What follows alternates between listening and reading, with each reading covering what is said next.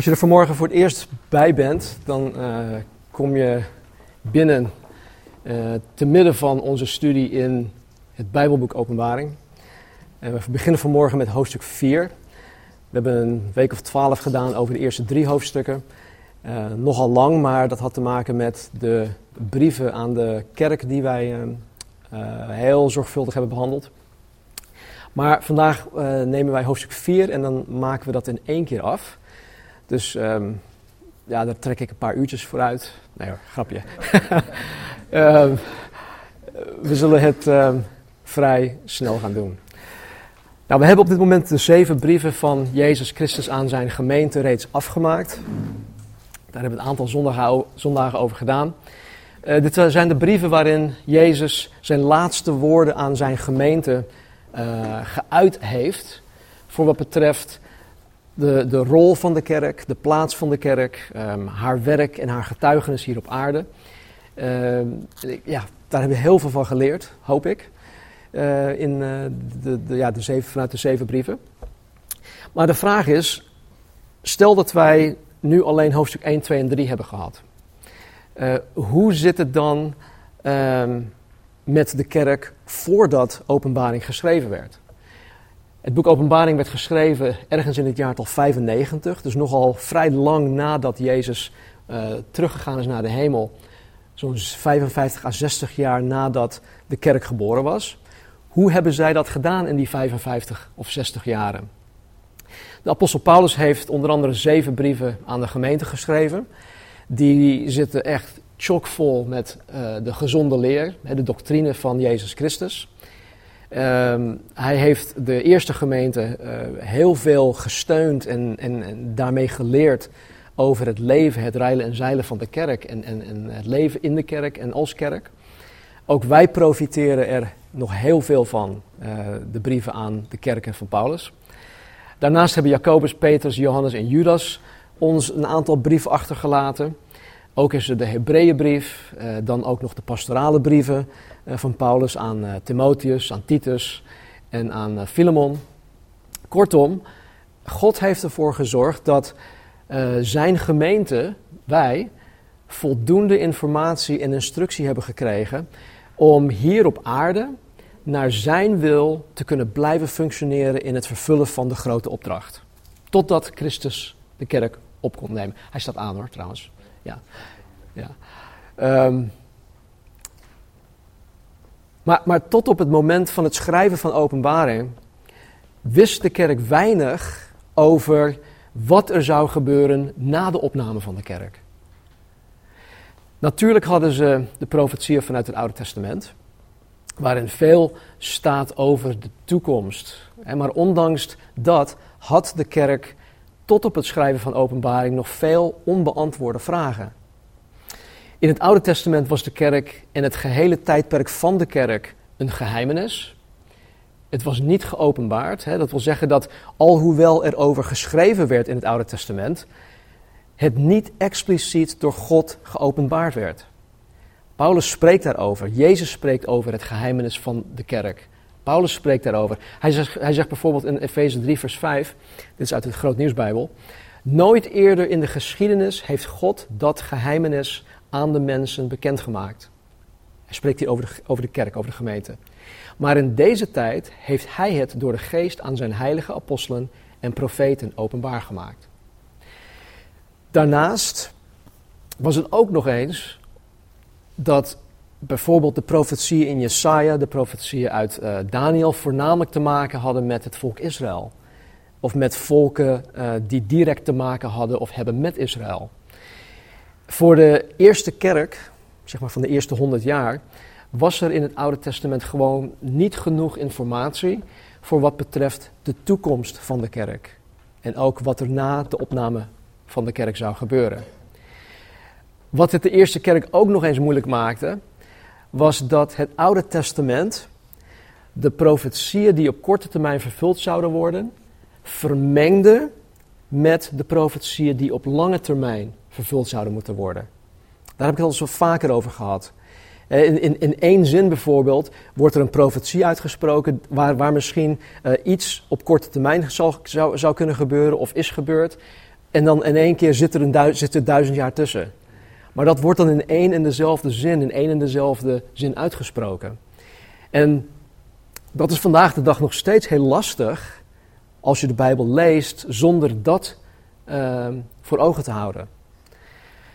Nou, dus zelfs voor de eerste kerk, zelfs voor de apostelen, was het tot op het moment van het schrijven van openbaring uh, onduidelijk wanneer, hoe en op welke uh, volgorde de opname, de wederkomst van Christus en dat soort dingen, al die dingen plaats zouden vinden. En vandaar dat Jezus ons de openbaring heeft gegeven van de dingen die hierna moeten gebeuren. Zo verwoordt hij dat letterlijk.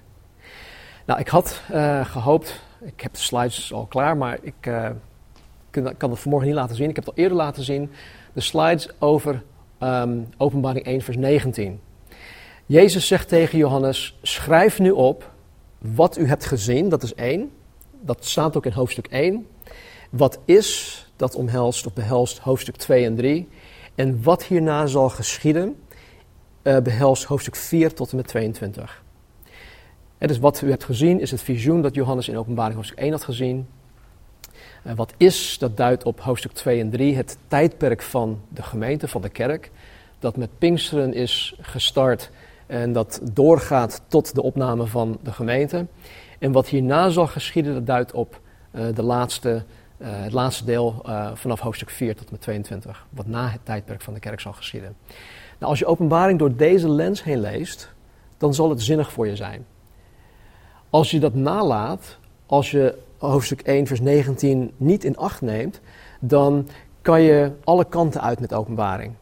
En dan zal het waarschijnlijk heel erg verwarrend voor je zijn. Nou, in grote lijnen is openbaring op deze manier dus ingedeeld. Uh, eh, 1 tot en met 3, hoofdstuk 1 tot en met 3 is het tijdperk van de kerk. Dan heb je de opname van de kerk. Dan heb je hoofdstuk 4 en 5, dat is een soort inleiding tot de grote verdrukking. Daar zullen we vandaag ook mee beginnen. Hoofdstuk 6 tot en met 18 gaan over de grote verdrukking.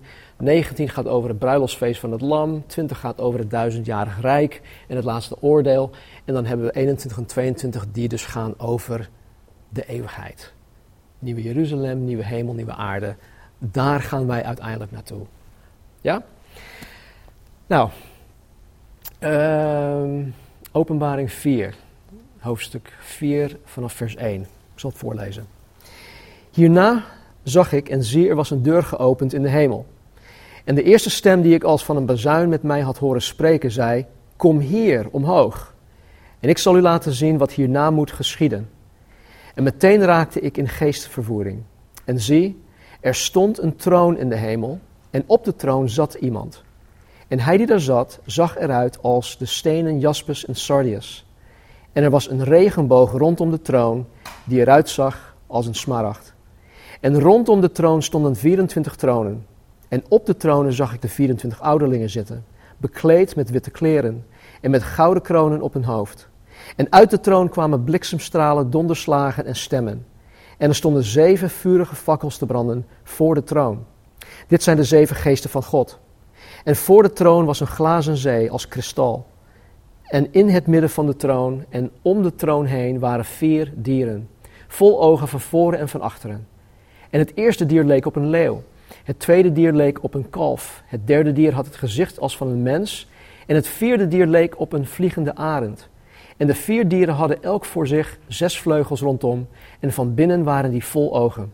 Ze hadden geen rust en zeiden dag en nacht: Heilig, heilig, heilig is de Heere God, de Almachtige, die was, die is en die komt. En telkens wanneer de dieren heerlijkheid, eer en dank brachten aan hem die op de troon zat en die leeft in alle eeuwigheid, wierpen de 24 ouderlingen zich, zich neer voor hem die op de troon zat, aanbaden hem die leeft in alle eeuwigheid en wierpen hun kronen neer voor de troon en zeiden, U bent het waard, heren, te ontvangen de heerlijkheid, de eer en de kracht, want u hebt alle dingen geschapen en door uw wil bestaan zij en zijn zij geschapen. Tot zover. Vers 1. Hierna zag ik en zie, er was een deur geopend in de hemel. En de eerste stem die ik als van een bazuin met mij had horen spreken, zei: Kom hier omhoog, en ik zal u laten zien wat hierna moet geschieden. Er zijn een aantal regeltjes wanneer je de Bijbel moet lezen waar je rekening mee moet houden. Eén zo'n regel is als je in de Bijbel leest en het woord hierna uh, voorkomt, of als een zin met hierna uh, start, moet je jezelf afvragen waarna. Waar heeft hij het over? Het is heel simpel, maar uh, mensen lezen daar vaak overheen. Dus als je hierna ziet, dan moet je jezelf afvragen waarna. Dit is van, vooral in dit vers van essentieel belang. Dit is, dit, dit is gewoon essentieel in dit vers. Vers 1 begint met het woord hierna. En het eindigt met de woorden wat hierna moet geschieden. In de grondtekst, het Oud-Grieks, gebruikt Jezus twee, twee woorden. Wat vertaald wordt in het Nederlands als hierna. Die twee woorden is meta tauta. En in vers 1 wordt dat dan vertaald als hierna en na deze dingen. Of uh, ja, in vers 1, na deze dingen. Um, nee, sorry, ik zeg dat verkeerd. Het wordt vertaald, metatouden wordt hier in vers 1 vertaald als hierna. Het hoort of een andere of een betere vertaling zou eigenlijk kunnen zijn na deze dingen. dat is een meer letterlijke vertaling, na deze dingen. Hij gebruikt, of Jezus gebruikt dezelfde twee woorden in Openbaring 1 vers 19, waar we, waar we net mee begonnen. Waarin Jezus ons de indeling geeft voor het boek. Schrijf de dingen op die je hebt gezien, wat is en wat hierna zal gebeuren. Metatauta, de dingen die hierna zijn, na deze dingen. De hierna in vers 1 duidt dus duidelijk op het tijdperk van de kerk. Dus waarna? Na het tijdperk van de kerk. Je zou vers 1 eigenlijk kunnen lezen als dit.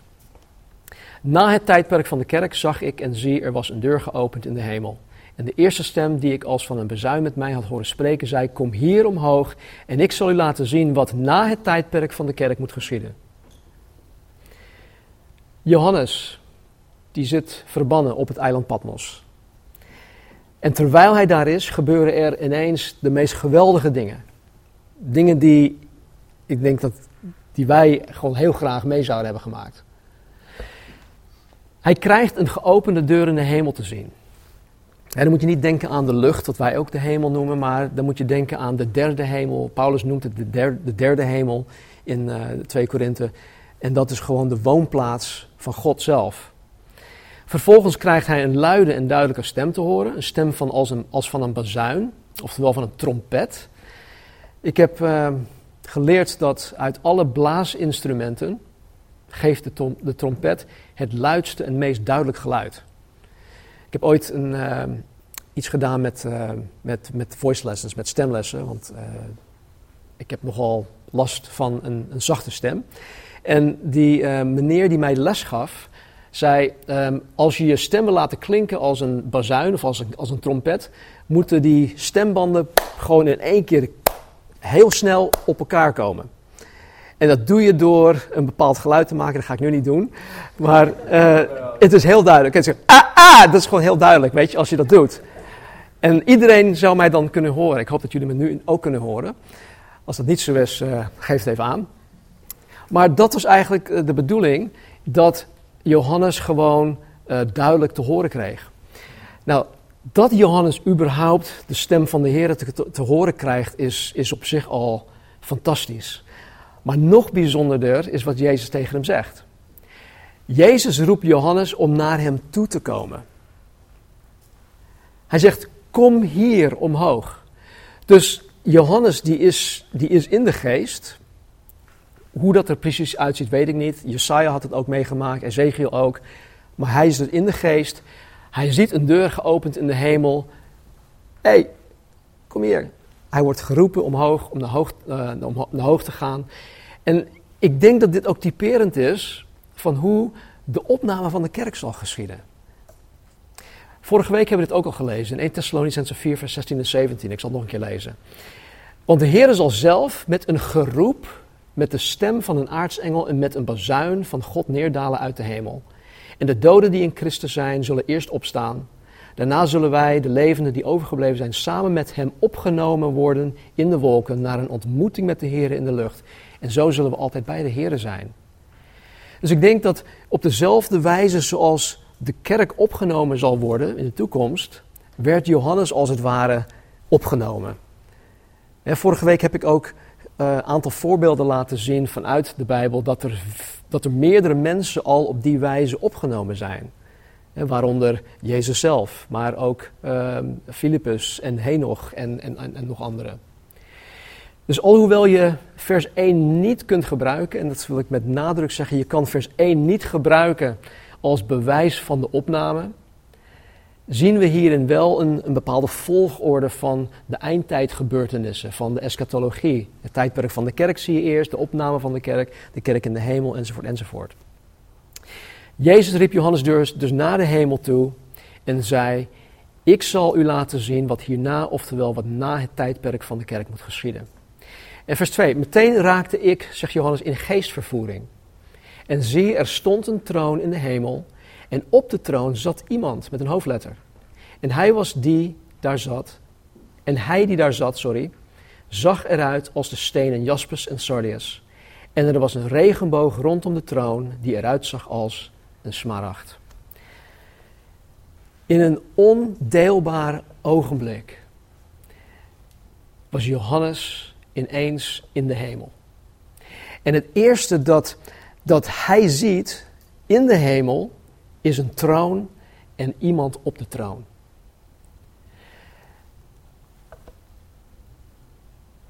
In mijn sms-berichtje van gisterenmiddag of gisteravond had ik iets over boeken gezegd. Over boeken van mensen die dan een, een bijna doodervaring hebben gehad. Die gaan dan naar de hemel toe en die zeggen van ja, ik zat in een tunnel, ik zag licht en een mooi dit en mooi dat. Het valt me op dat wanneer Johannes het hier omschrijft, dat hij dus meteen in de aanwezigheid van God is. Het valt me ook op dat wanneer Paulus het omschrijft, dat hij zegt van het is mij niet geoorloofd om met menselijke woorden te omschrijven wat ik daar meegemaakt heb. Dus um, um,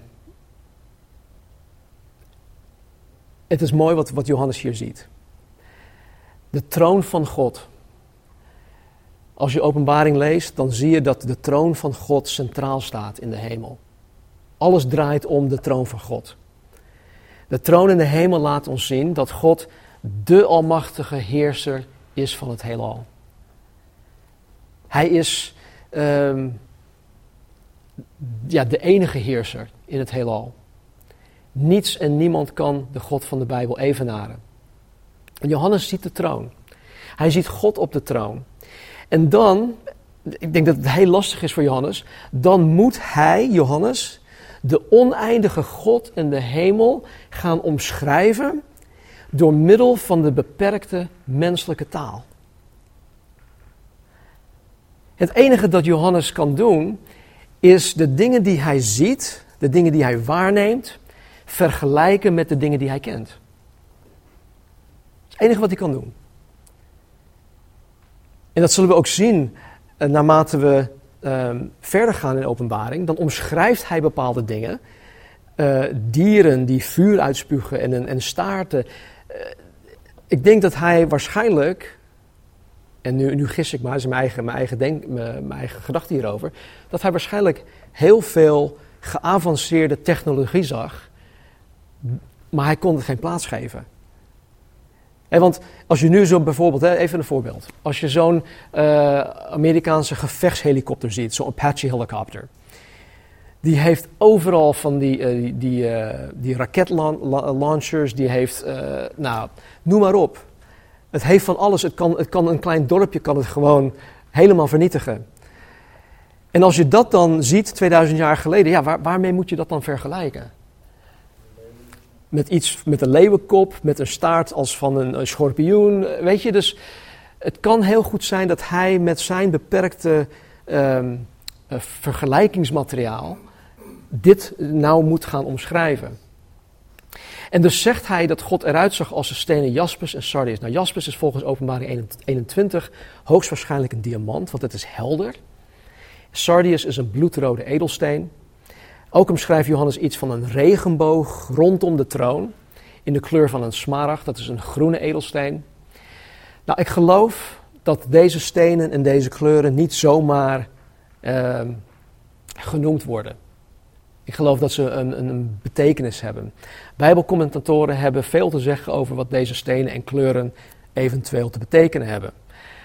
Maar ik heb hier lang over nagedacht, ik heb heel veel over gelezen en ik ben er zelf nog niet van overtuigd wat de kleuren, wat de stenen, wat de regenboog allemaal te, te betekenen heeft. Dus daar ga ik er nu niet over, uh, over hebben. En anders, ja, dan, dan zeg ik maar wat. Dus, uh, en ik, ik, wil hier niet zonder overtuiging uh, iets, iets vertellen. Ik denk dat het belangrijkste hierin is dat God gezeten is op zijn troon. En dat Hij, God, aanbeden wordt. En zoals we in de volgende verse ook zullen gaan zien. Staat in rondom de troon stonden 24 tronen. En op de tronen zag ik de 24 ouderlingen zitten, bekleed met witte kleren en met gouden kronen op hun hoofd. Weer zoiets. De meningen over de identiteit van deze 24 ouderlingen zijn verdeeld. Sommige mensen denken dat zij tot een bijzondere uh, engelenklasse horen. Maar ik, ik, ik geloof dat zelf niet. Um, ik geloof dat niet omdat het volgens mij uh, dat Bijbels gewoon niet klopt. Persoonlijk, en dat ga ik zo meteen ook uitleggen, geloof ik dat deze 24 ouderlingen de kerk vertegenwoordigen. De kerk van Jezus Christus. En ik zal zo meteen uitleggen waarom ik dat geloof. Nou, ten eerste geloof ik dat, alhoewel er een, uh, binnen het engelenhiërarchie wel sprake is van, van rangen en standen. Je hebt, verschillende rangen binnen de engelenhiërarchie. Is er nooit sprake van leeftijd onder de engelen? Er is nooit, in, in de Bijbel is er nooit sprake van leeftijd in de engelen. Onder de engelen. Dus één engel kan niet ouder genoemd worden dan een ander. En dat, dat woord ouderling, dat, dat betekent ook oudste, zoals het ook in Timotheus gebruikt wordt, in, in, andere brieven van Paulus. En dat betekent gewoon dat iemand ouder is dan iemand, dan iemand anders. Daarnaast worden engelen nergens in de Bijbel beschreven als ouderlingen. Dat is één. Um, daarentegen wordt het woord ouderlingen altijd in de Bijbel gebruikt om mannen te omschrijven, mensen. Ten tweede zijn ouderlingen in de Bijbel altijd gekozen leiders en vertegenwoordigers van Gods mensen, zowel in Israël, maar ook in de kerk. Ten derde in Jesaja 6 en in Ezekiel 1 tot met 10 krijgen deze profeten visioenen te zien. Visioenen van de troon van God in de hemel. En in beide gevallen, Jesaja en Ezekiel, was er geen sprake van ouderlingen. Ze zagen geen 24 tronen, 24 ouderlingen. Waarom denk ik? Omdat hun visioenen van Ezekiel en Jesaja 700 jaar uh, voordat Jezus Christus op aarde kwam gebeurde. Dus Jezus was, er niet eens, Jezus was nog niet eens op aarde gekomen. De kerk ontstond nog niet eens. Dus als de 24 ouderlingen de kerk vertegenwoordigen, dan zouden zij 700 jaar voor Jezus Christus komst nog niet in de, op, in, in de hemel kunnen zijn. En daarom geloof ik ook dat Ezekiel, nog Ezekiel en nog uh, Jesaja, de 24 ouderlingen, hebben gezien. En dat staat ook niet. Dus ze hebben, ze hebben hun ook niet gezien. Ten vierde, de ouderlingen droegen witte kleren. Wat door Jezus alleen beloofd wordt aan de win overwinnaars uit de kerk. We hadden vorige week, of de week, week daarvoor in openbaring 3, vers 5 gezien. Wie overwint zal bekleed worden met witte kleren.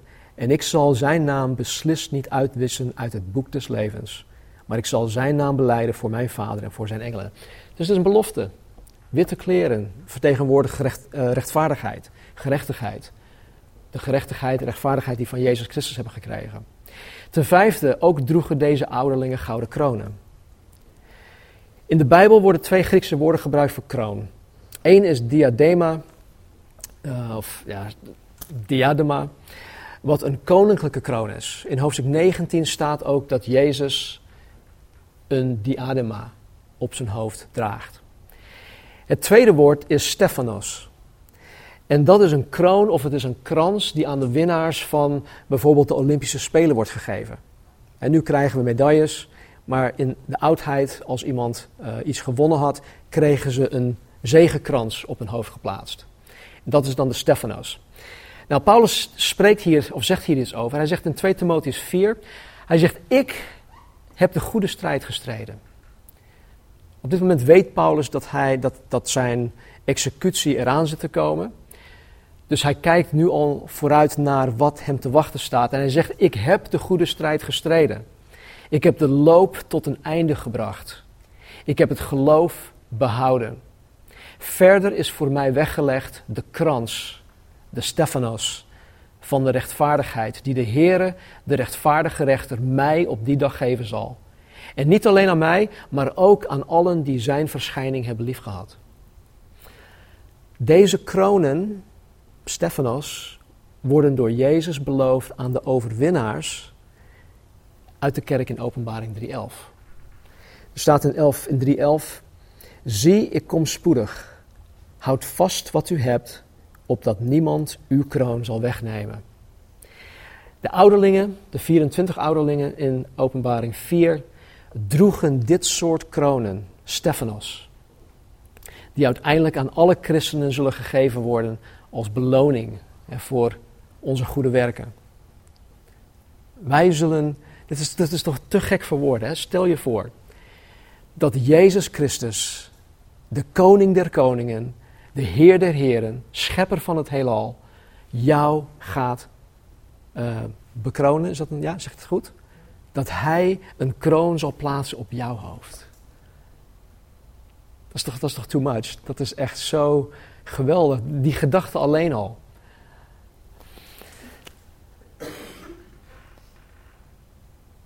Wij zien ook nergens in de Bijbel dat engelen kronen dragen. Dat een engel een Stephanos draagt.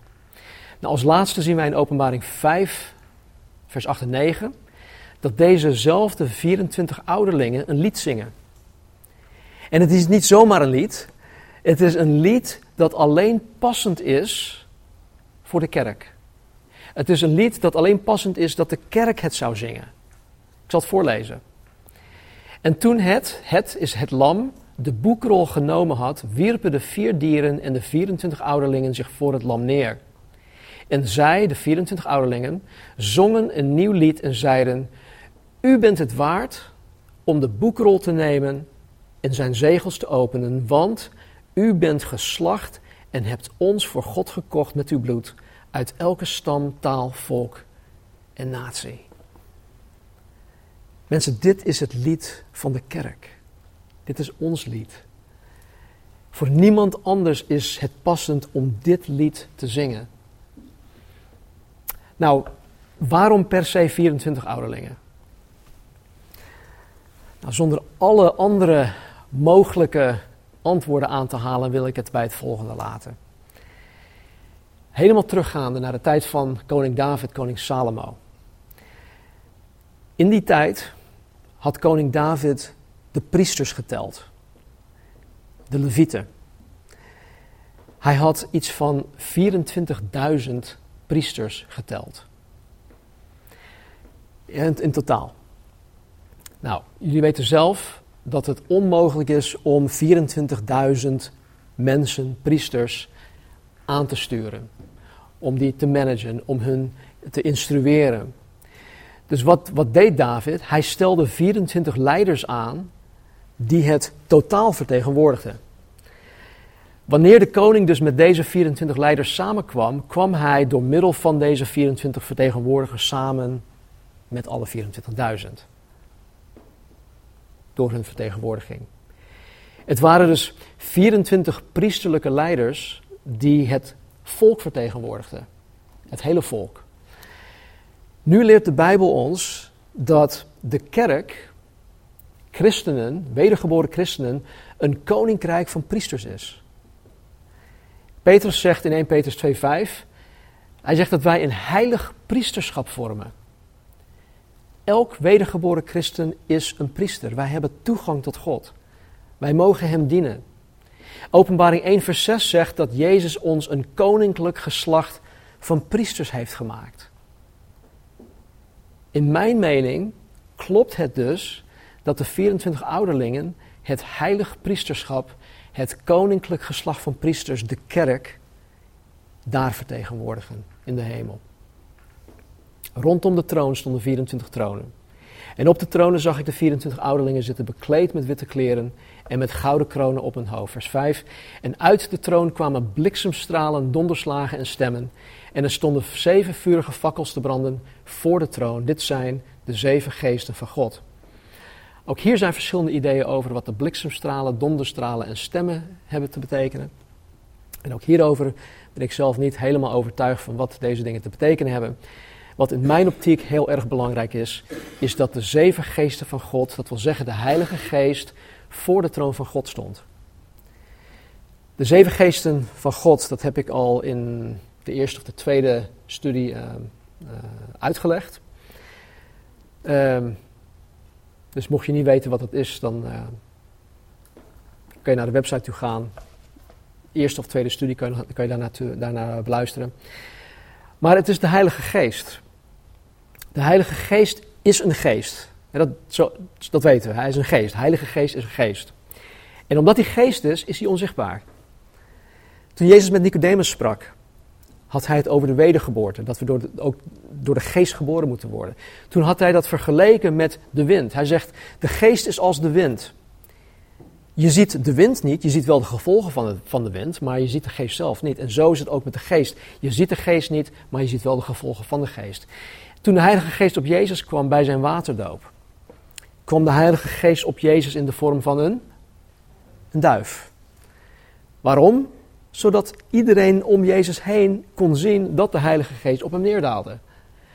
Toen de Heilige Geest met Pinksteren uitgestort werd op de 120 discipelen, kwam de Heilige Geest op hun in de vorm van vlammen. Waarom? Zodat mensen de Heilige Geest in die vorm kon zien.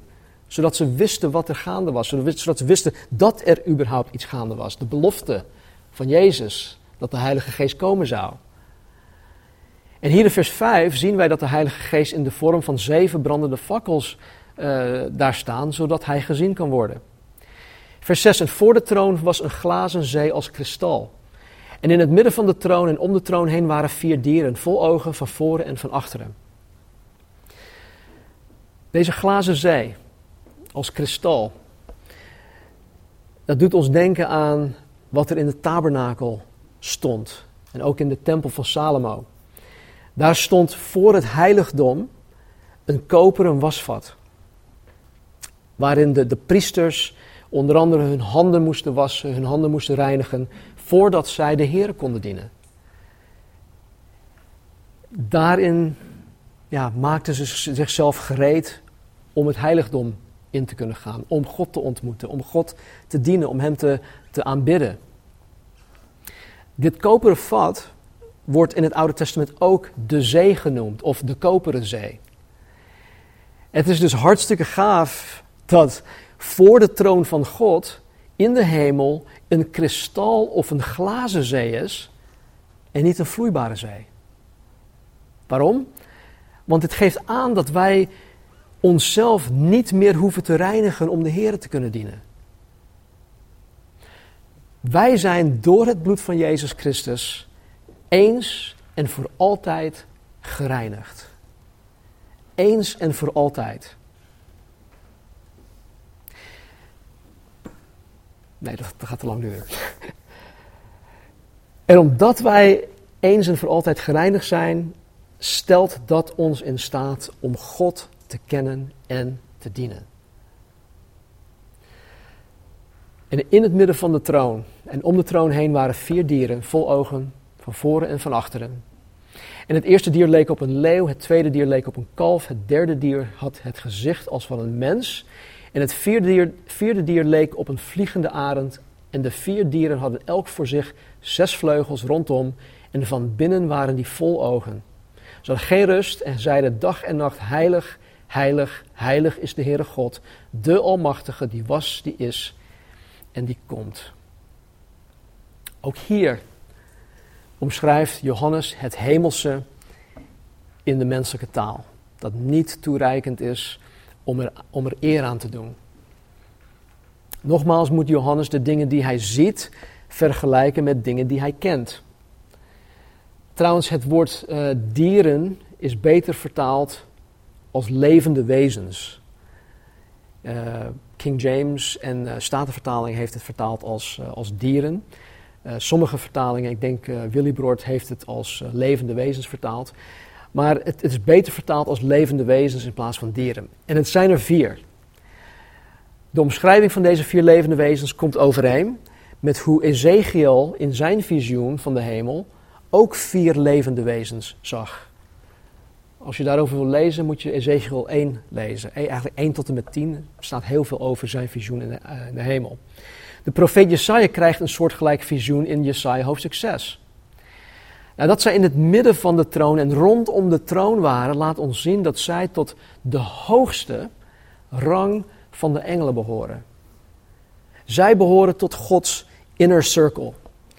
Eh, een beetje te vergelijken met Johannes, Jacobus en Petrus. Die behoorden ook tot de inner circle van Jezus. Deze vier dieren of uh, levende wezens uh, noemde Ezekiel gerubs. En gerubs zijn een, zijn een klasse engelen. Wellicht de hoogste klasse engelen. En dat ze vol ogen zijn, van voren, van achteren, van binnen, laat ons zien dat zij alles zien.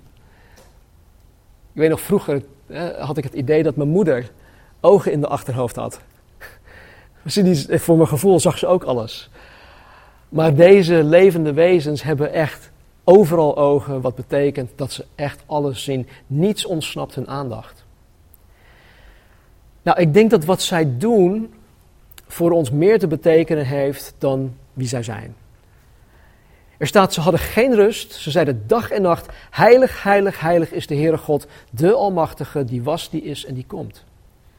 Deze gerubs waren continu en non-stop onder de indruk van God, de Almachtige, de Eeuwige. En hun respons daarop was dat zij God alleen maar konden loven en prijzen en aanbidden. Het enige waar ik dit mee kan vergelijken is bijvoorbeeld met oud en nieuw. Dan heb je om uh, vijf over twaalf, dan gaan alle, van alles de lucht in. En wij staan meestal op ons uh, dakterras uh, om ja, te genieten van, de vuurwerk, van het vuurwerk van onze, van onze buren. En dan weet je echt niet waar, waar je kijken moet. En dan kijk je om je heen, van alles gaat de lucht in. Het is helemaal, het is, alles is gewoon echt mooi. Maar dan komt er iemand die heel veel geld uitgegeven heeft. En dan ineens van boom. En dan kijk je daarna en wauw. Nou, ik denk dat, dat dat een beetje te vergelijken is met hoe deze vier levende wezens continu naar God kijken. Dat ze gewoon continu zo'n wauw-moment hebben. Dat ze er niet genoeg van krijgen. En dat ze alleen maar kunnen zeggen: Heilig, heilig, heilig is de Heer God Almachtig. Het woord heilig wordt drie keer herhaald. En dat is een manier van benadruk, benadrukking. En wij zouden het in onze beperkte taal in superlatieven uitdrukken uh, als superheilig. Of, of mega heilig, of gigaheilig, of vetheilig. Ja. Weet je, dus heilig, heilig, heilig. In 2 Koningen staat iets heel bijzonders. En ik vind het een beetje lastig om dit aan te halen. Maar in 2 Koningen 19 staat dat één engel 185.000 Assyriërs had gedood. Eén engel, 185.000 gewapende Assyriërs. In één klap. Zo machtig en krachtig zijn engelen. Ik kon het vanmorgen niet vinden, maar er staat ook in, of in Koningen of in Jesaja, dat een engel spreekt in de tempel. Hij spreekt in de tempel en door, alleen al door zijn stem begon de hele tempel en het fundament, de fundering van de tempel begon gewoon te, te, te trillen en te beven, omdat, eh, omdat hij sprak. Weet je dus, een engel Nou, als, als je naar zo'n engel kijkt, dan ben ik, dan zijn wij toch helemaal niets in, in vergelijking met zo'n engel. Wij zijn letterlijk machteloos vergeleken met zo'n engel. Nu, als deze vier machtige en krachtige gerubs God dag en nacht loven en prijzen en aanbidden, wie ben ik dan om God niet in alles en door alles en voor alles alle glorie, eer en dank te geven?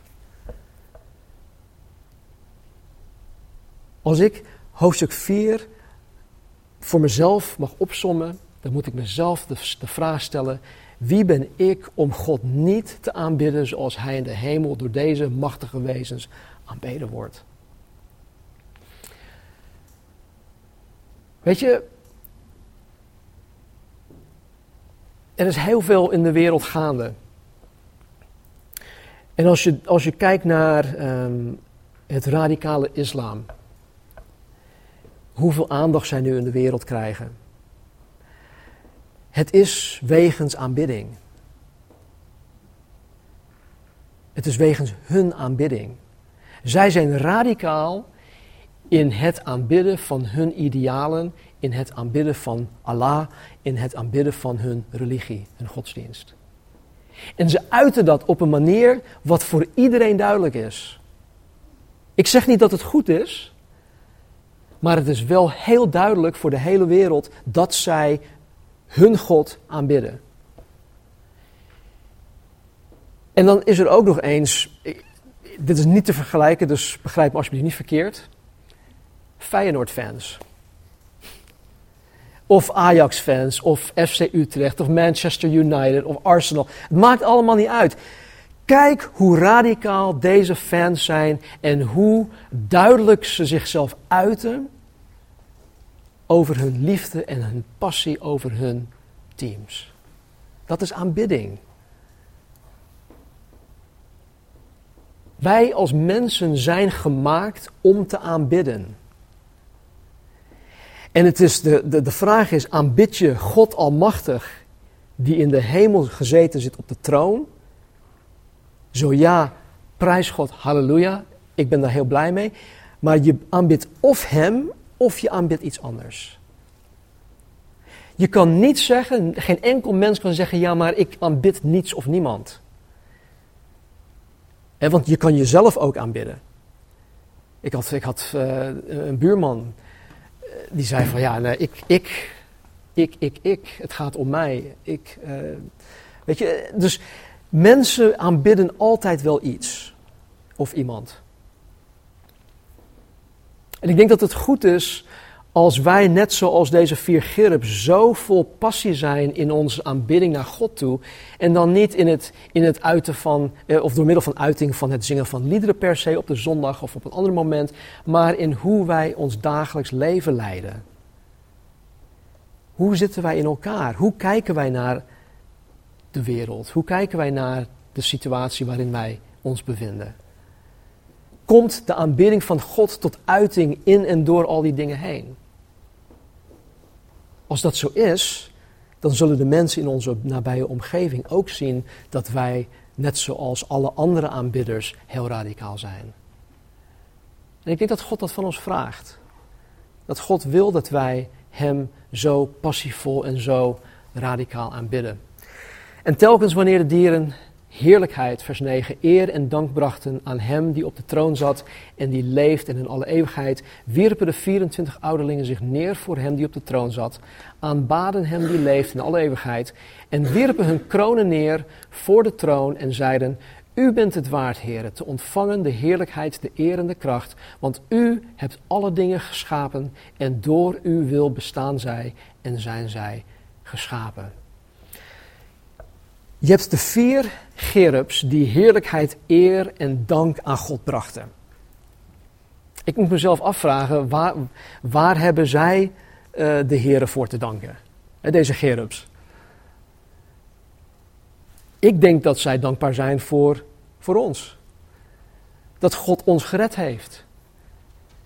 Er staat ook in Lucas' evangelie dat, dat er blijdschap is in de hemel wanneer een zondaar zich bekeert tot God. Weet je, dus ik denk dat de, de hele hemelleger, dat de, de hemellegers, iedereen in de hemel gewoon zo blij is wanneer een mens, de kroon van Gods schepping, tot geloof in Jezus Christus komt. En ik denk dat hun dankbaarheid naar God toe daar ook, heeft, ook, te maken, eh, ook te, mee te maken heeft. En terwijl deze God aanbidden, werpen de 24 ouderlingen zich neer voor God.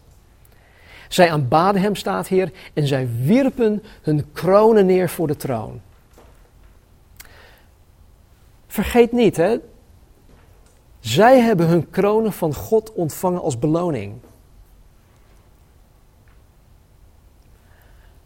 Zij hebben hun kronen van God ontvangen als beloning voor het volharden in dit leven. Voor hun goede werken, voor het getuigen zijn, voor het licht zijn, voor zout zijn, voor al de dingen die God van ons hier op aarde vraagt. De vervulling van de grote opdracht. En nu zien wij dat zij hun welverdiende kronen ineens afdoen en deze voor de troon van God neerwerpen. Deze 24 ouderlingen die de kerk vertegenwoordigen, weten heel goed dat wat zij in het leven op aarde voor de Heer gedaan hebben, uiteindelijk door de Heer zelf gedaan werd.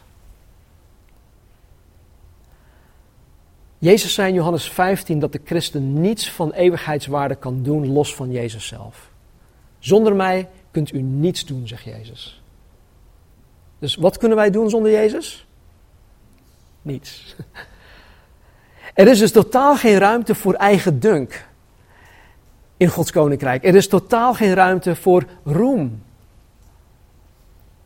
Het is Jezus die mij in staat stelt om Hem überhaupt te kunnen dienen. Het is Jezus die mij in staat stelt om werken van eeuwigheidswaarde te mogen doen, te kunnen doen. Want zonder Hem kan ik niets doen. Jezus zegt het zelf. Er is totaal geen ruimte voor roem of eigen dunk. En het enige dat de 24 ouderlingen kunnen doen op dat moment is om hun kronen aan de voeten van de Heer neer te werpen als, als erkenning dat Hij de kronen uiteindelijk verdiend heeft. Hij heeft de, kroon, de kronen verdiend. Niet zij en ook niet wij. En dat beamen zij ook door te zeggen: U, Heere, bent het waard te ontvangen de heerlijkheid, de eer en de kracht, want U hebt alle dingen geschapen en door U wil bestaan zij en zijn zij geschapen. Hun statement, waarin zij God als de schepper van alles, uh, of waarmee zij God, de God, de schepper van alles aanbidden, is van essentieel belang voor de christen. Misschien hebben jullie zoiets van, ja, nou, ik, ik geloof dat God alles geschapen heeft. Nou, niet iedereen gelooft dat. En ook niet iedereen buiten de kerk. Hij heeft alles geschapen, dat, dat staat hier ook, omdat hij het zo gewild heeft. Ze zeggen, u hebt alle dingen geschapen en door uw wil bestaan zij en zijn zij geschapen. God heeft het gewoon gewild. Hij zei, joh, ik wil, ik wil dit doen. Dus, hij wilde het. Hij wilde ons maken. Hij kent een ieder van ons persoonlijk. Met al onze goede kwaliteiten, maar ook met al onze eigenaardigheden en onze minder goede kwaliteiten. Wij zijn hier niet zomaar. De mensen op aarde zijn hier niet als een, een, een, ja, ze zijn geen ongeluk. God is degene die ons geschapen heeft. God is degene die het leven geeft. En we zijn niet alleen door God geschapen, wij als mensen zijn de kroon van zijn schepping. Wij zijn de kroon van zijn schepping. Weet je wat dat betekent? Dat betekent dat wij het allerbeste zijn. Eh, het allerbeste zijn. Wij zijn het, het, ja, het ultieme van zijn schepping. Wij zijn het allerbelangrijkste dat God geschapen heeft. Alles dat we om ons heen zien, zal vergaan. Alles. Dus hecht je alsjeblieft niet aan dingen. Maar God heeft ons, mensen, als eeuwige wezens gemaakt. Wij zijn gemaakt om voor eeuwig met Hem te zijn. Alles zal vergaan. Er komt een nieuwe hemel, er komt een nieuwe aarde. Letterlijk. Alles wat we hier zien zal vergaan. Maar wij, wij zullen niet vergaan. Wij die in Hem geloven, wij die Hem toebehoren, zullen voor eeuwig bij Hem zijn, voor eeuwig bestaan. Het gaat, het gaat mij om, het gaat denk ik in, in dit gedeelte vooral om aanbidding. En, en wat dat is en wie wij aanbidden. En zoals de vertegenwoordigers van de kerk alleen maar kunnen zeggen dat Hij het waard is. U bent het waard, Heer, te ontvangen de heerlijkheid, de eer en de kracht. Wie ben ik dan om God niet in alles de eer, de heerlijkheid en de kracht toe te kennen? Alles heb ik van God gekregen. De, eerste adem die ik kreeg toen ik wakker werd vanmorgen, heb ik van God gekregen. Zo ver gaat dat. En ik ben God dankbaar, ondanks hè, de moeilijkheid van sommige dingen, ondanks de ellende, ondanks ja, dat ik me nu lekker voel. Weet je, elk moment die ik krijg is gegeven door God. En daar mogen we dankbaar voor zijn. Daar mogen wij een leven van aanbidding voor hebben. Laten we bidden. Hemelse Vader, u bent heilig, heilig, heilig. En Heer, ik denk niet dat wij ten volle kunnen beseffen wat dat precies betekent. Dus Heer, ik bid u dat u uzelf kenbaar zal maken. Als de heilige, de heilig, heilig, heilige. Toon ons, Heer, uw glorie. Laat u zelf zien zoals u bent. Laat u zelf aan ons zien zoals u gezien wil worden. U bent de God van maatwerk. U weet wat een ieder van ons als individu nodig heeft, Heer, om u beter te leren kennen, om u meer te waarderen, om u beter en meer naar waarheid te aanbidden in en door ons leven heen. Dus Heer, ik bid dat u vanmorgen en vandaag en morgen en elke dag, Heer, totdat u ons naar huis toeneemt, dat u ons zal leren om u in geest en in waarheid te aanbidden. Dat ons leven, Heer, elke dag opnieuw een leven van aanbidding zal zijn. En Heer, dat door ons leven van aanbidding, Heer, de mensen om ons heen nieuwsgierig zullen gaan worden naar de God die wij kennen, naar de God die wij dienen. Dat mensen om ons heen vragen zullen gaan stellen, heren. Dat ze zichzelf zullen gaan afvragen wat wij hebben en waarom wij zo gelukkig zijn. Welgelukzalig, zo'n mooi Bijbels woord. Welgelukzalig, heren. Laat ons dat zijn. Laat ons dat uiten. Help ons u te aanbidden. Geef ons, heren, wat we nodig hebben vandaag en morgen, de komende week. Zegen ook allen die op vakantie gaan. Wees ons nabij. Zegen zometeen ook nog de tijd van fellowship en uh, gezellig met elkaar koffie drinken. Trek ons naar u toe, Heer. Daag ons uit. Trek ons ook uit onze comfortzones. En bekrachtig ons, Heer, met uw liefde, uw genade, uw barmhartigheid, de gave van de Heilige Geest. Opdat we de grote opdracht, Heer, in alles en door alles heen zullen vervullen. Dank u wel. Bidden wij in Jezus' naam. Amen. Amen. We hebben het gedaan in minder dan een uur. Mogen de Heer jullie vandaag en morgen en de komende dagen, de week, rijkelijk zegenen. Mogen de Heer jullie echt ja, zichzelf kenbaar maken. Op een manier waarop Hij zichzelf misschien ook nooit eerder kenbaar heeft gemaakt. Dat Hij jullie zal leiden, waardoor jullie echt zo ja, van, van opgewonden raken. Zo passievol. Dat je het niet kan laten om van Hem te vertellen. Het zij thuis, het zij op je werk, waar dan ook. Dus wees gezegend, wees ook lief voor elkaar. Want door de liefde die wij voor elkaar hebben, zullen alle weten dat wij daadwerkelijk zijn, discipelen zijn.